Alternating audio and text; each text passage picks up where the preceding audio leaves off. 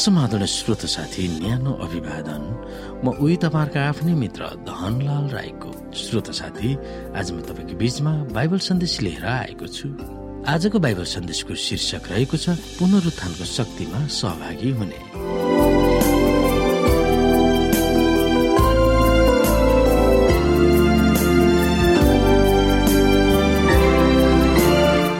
श्रोत साथी एपिसी एक अध्यायको बिसदेखि तेइसमा उल्लेख गरिएको प्रार्थनाको लेखमा पावलले तेस्रो आत्मज्ञानको विषयवस्तुको बारेमा विस्तृत छलफल गर्दछन्। पवित्र आत्माले विश्वासीहरूलाई परमेश्वरको शक्तिको विशाल महानता तिनीहरूमा होस् भन्ने उनले चाहन्छन्। तिनीहरूकै लागि उहाँले त्यो शक्ति कार्यान्वयन गर्नुहुन्छ। परमेश्वरले त्यो शक्ति कसरी कार्यान्वयन गर्नुभयो भनेर पावलले मुक्तिको इतिहासको दुई घटनाहरूलाई औल्याउँछन् एकमा यसुलाई मृत्युबाट पुनरुत्थान र दुईमा सारा विश्व ब्रह्माण्डको सिंहासनमा यसुको सम्मान। यसुको पुनरुत्थानमा परमेश्वरको शक्ति कसरी प्रकट गरिएको थियो भनेर हामी यहाँ बाइबलमा हेर्न सक्छौ। अनि हामी विश्वास गर्नेहरूका निम्ति उहाँको शक्तिको असीम महानता के हो सो तिमीहरू जान्न सक। त्यो शक्ति उहाँको महान सामर्थ्यको काम नै हो जो उहाँले ख्रिसमा पुरा गर्नुभयो। तब उहाँले ख्रिसलाई मरेकाहरूबाट जीवित पार्नुभयो अनि स्वर्गीय स्थानहरूमा आफ्नै दाहिने बाहुलीपट्टि बसाल्नु भयो वास्तवमा ख्रिस मृतकहरूबाट जीवित हुनु भएको छ। सुति जानेहरू मध्येमा उहाँ चाहिँ प्रथम फल हुनुहुन्छ। किनकि जसरी मानिसबाट मृत्यु आयो त्यसरी नै मृतकहरूको पुनरुत्थान पनि मानिसबाट नै आयो। किनकि जसरी आदममा सबै मर्दछन् त्यसै गरी ख्रिसमा सबै जीवित पारिनेछन् तर जति कुरा मेरो निम्ति लाभदायक थिए ती त मैले ख्रिसको खातिर हानि वा अर्थहीन नै ठाने। साँच्चै भन्यो भने ख्रिस यसु मेरा प्रभुलाई चिन्न पाउने अमूल्य कुराको तुलनामा सबै कुरालाई म हानि वा बेकार नै ठान्दछु। ख्रिसलाई प्राप्त गर्न सकौँ भनेर उहाँको निम्ति मैले सबै कुराको नोक्सानी भोगेको छु अनि ती सबैलाई फोहोर मैला तुल्य म ठान्दछु र सम्पूर्ण रूपले म उहाँमा भएको पाइन सकौँ। व्यवस्थामाथि आधारित भएको मेरो आफ्नै धार्मिकता होइन तर मेरो धार्मिकता यही हो। जो ख्रिसमाथि निर्भर हुन्छ जुन चाहिँ विश्वासद्वारा परमेश्वरबाट आउने धार्मिकता हो।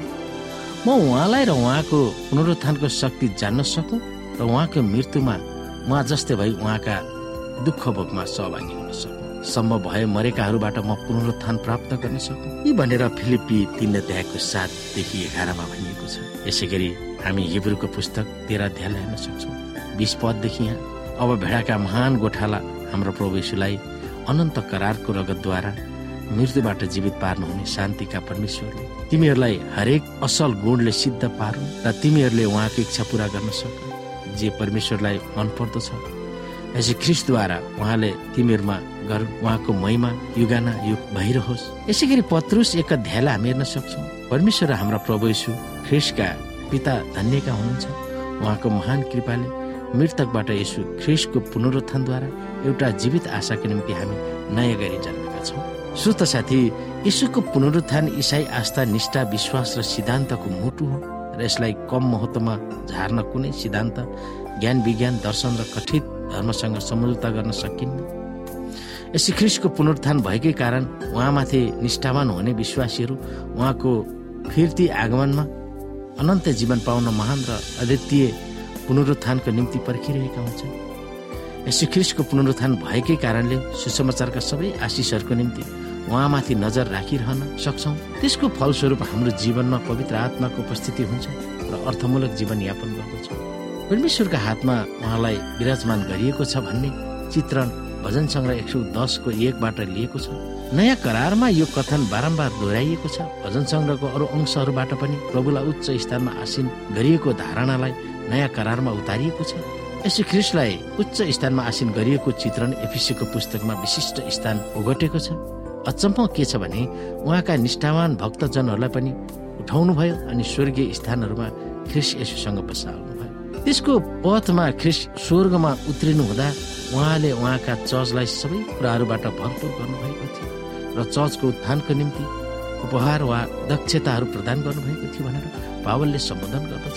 पिताको सिंहासनमा यसो निष्क्रिय गतिमा आसिन हुनुभएको छ भनेर औपचारिक चित्रण नगर्न पावलले हामीले एफिसी चार अध्यायको आठदेखि एघारमा चेतावनी दिएका छन्।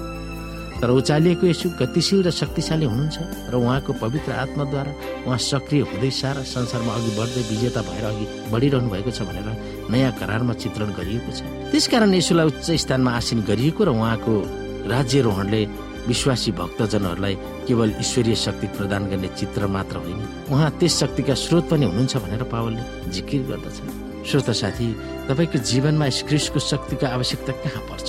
त्यस शक्तिलाई उपलब्ध गर्न अझ हामी उत्तम जीवन कसरी बिताउन सक्छौँ?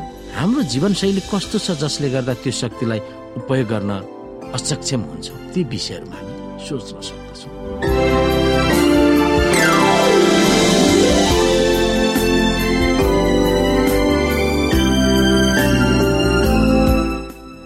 साथी आजको लागि बाइबल सन्देश यति नै। हस्त नमस्ते जय मसिंह।